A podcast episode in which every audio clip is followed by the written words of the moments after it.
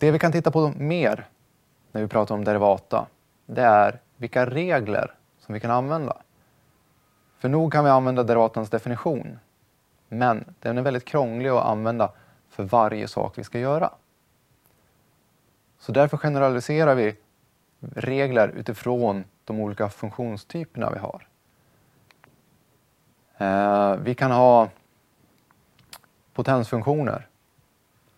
Har vi en potensfunktion, det vill säga den kan uttryckas som x upphöjt i ett tal n. Den kan vara positivt, negativt, heltal, bråk, har ingen betydelse så länge den kan uttryckas som x upphöjt i ett tal. Då är det en potensfunktion.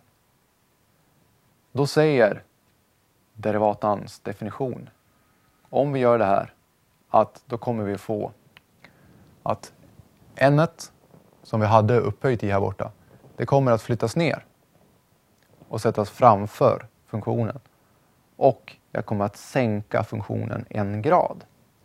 Så har jag en andragradsfunktion, då kommer det bli en första grads funktion när jag deriverar. Har jag en femtegradare, ja då kommer det bli en fjärdegradare när jag har deriverat det. Det vill säga värdet för lutningen, derivatan, kommer att vara beroende av en grad lägre än vad vi hade från början. Om vi har en exponentialfunktion, ja då har vi två olika fall. Antingen har vi basen e och e det var det här naturliga talet 2,718 och så vidare en massa decimaler som var irrationellt, det vill säga det gick inte att skriva om på något annat sätt med bråk, utan det är talet e. Har vi det upphöjt i en konstant gånger x, ja, när jag deriverar, då kommer konstanten att flyttas ner och jag har kvar det jag hade från början också.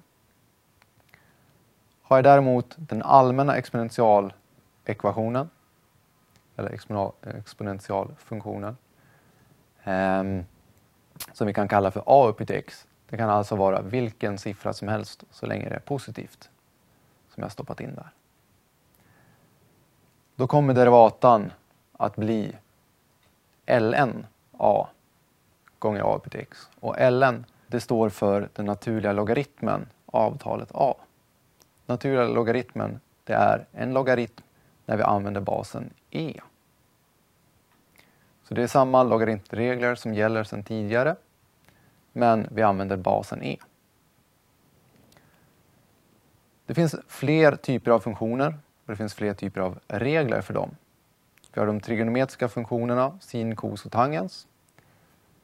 Jag har bara valt att redovisa här sinus och kosinus på grund av att tangens går att bestämma utifrån att vi har att tangens är sinus delat på kosinus. Eh, sinus, när jag deriverar den, då kommer jag att få, om jag har sinus av en konstant gånger x, då kommer den här konstanten att ploppa ut utanför, precis som vi har här. Och jag kommer att ändra från att jag har sinus till att få kosinus.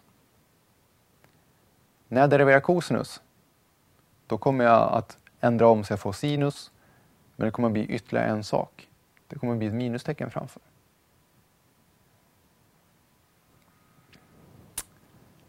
Vi har fler typer av funktioner. Vi har, om vi skulle ha ln av x, för ln går att använda som en funktion, för det är en regel som man kan tillämpa.